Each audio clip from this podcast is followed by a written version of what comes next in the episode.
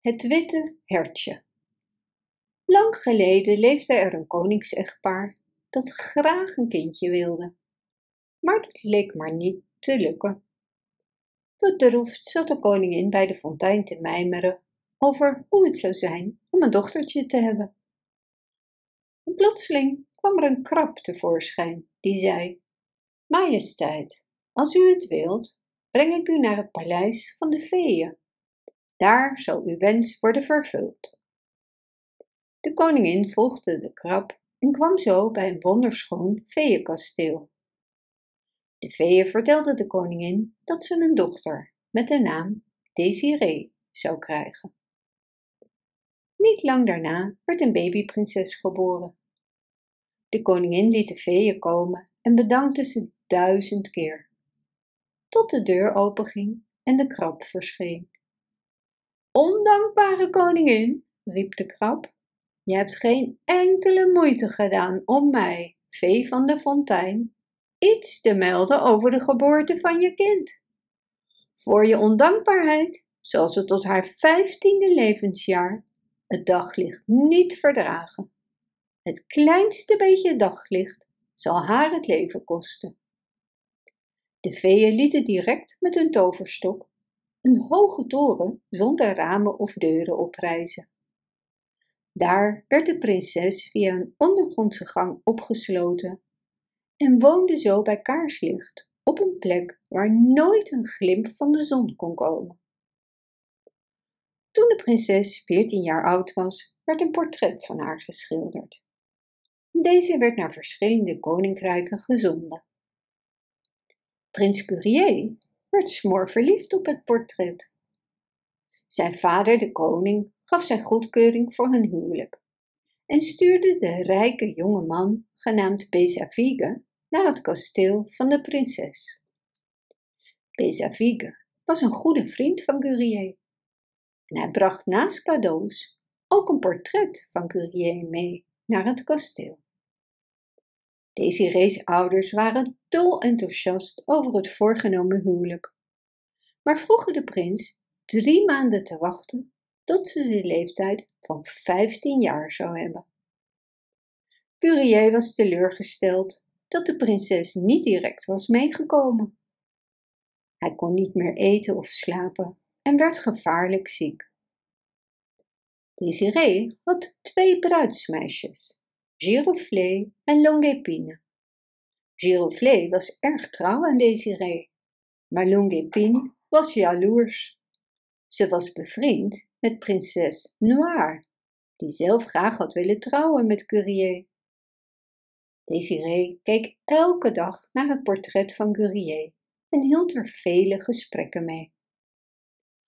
Op een dag hoorde Desiree dat Curier ernstig ziek van verlangen was om haar te zien. Ze besloot hem op te zoeken en stapte in een donkere koets die alleen s'nachts geopend mocht worden.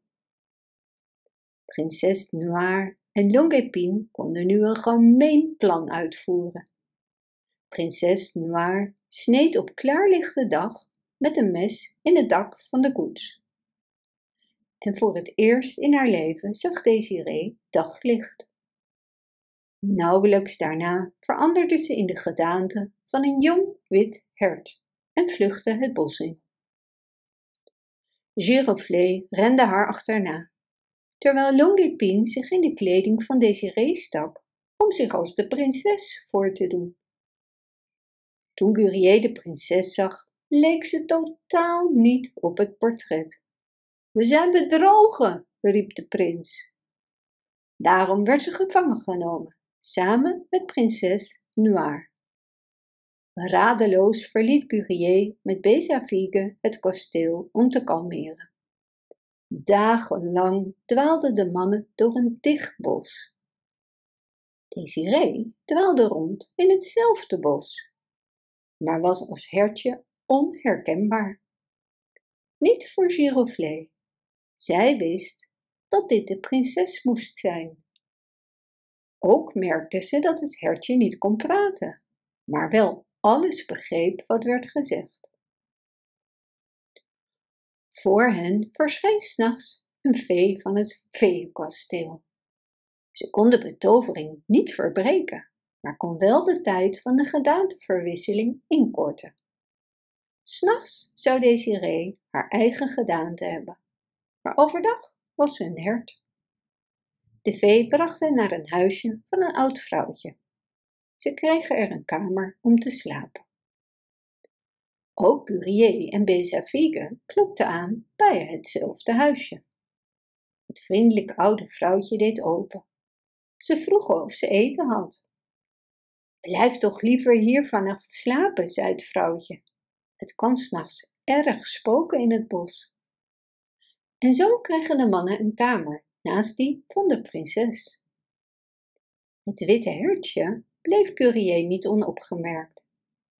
Elke dag probeerde hij het hertje te achtervolgen, maar s'avonds verdween ze in het niets. Op een dag had Curie het hertje zo lang achtervolgd dat hij uitgeput neerviel. Terwijl hij daar lag, kwam het hertje naderbij en herkende ze hem van het portret van prins Curie. De prins schrok wakker en de prinses zette het op een lopen. Blijf toch hier, lief hertje, hoorde ze hem roepen. Ik zal je overal mee naartoe nemen, was het laatste wat ze nog kon horen. De volgende dag zag Curie het hertje en om te verhinderen dat ze weg zou lopen, schoot hij een pijl in haar been. Het spijt me, hertje, sprak hij teder en nam haar mee naar het huisje. Daar bond hij het hertje vast en verzorgde de wond met speciale kruiden. Giroflée haastte zich er naartoe. Meneer, zei ze beleefd, dit hert behoort mij toe en al langer voordat het van u werd.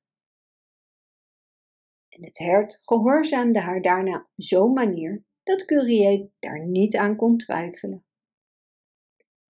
Giroflée nam het hert tot zijn grote verbazing het huis binnen, waar hij zelf ook logeerde. Bezavigue herkende Giroflée. Hij had haar toch zeker gezien in het kasteel van prinses Désirée? Onze kamers worden gescheiden door slechts een dunne muur, bedacht Bezavigue, en maakte er een gaatje in om er doorheen te gluren. En daar zag hij de prinses zitten. Giroflée verbond haar arm.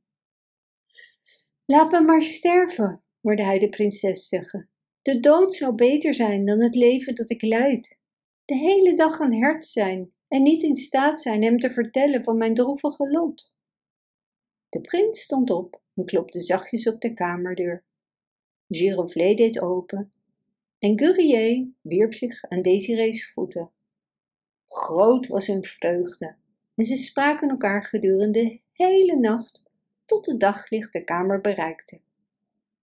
Maar Desiree veranderde dit keer niet en bleef haar eigen mooie zelf. Het huwelijk van prins Curie en Desiree werd samen met het huwelijk van Bezavigue en Giroflée gevierd. En op verzoek van Desiree mochten prinses Noire en Longuepine de gevangenis verlaten. Bedankt voor het luisteren. Wist je dat je dit verhaal ook op onze website ririro.com/nl kunt lezen, downloaden en printen?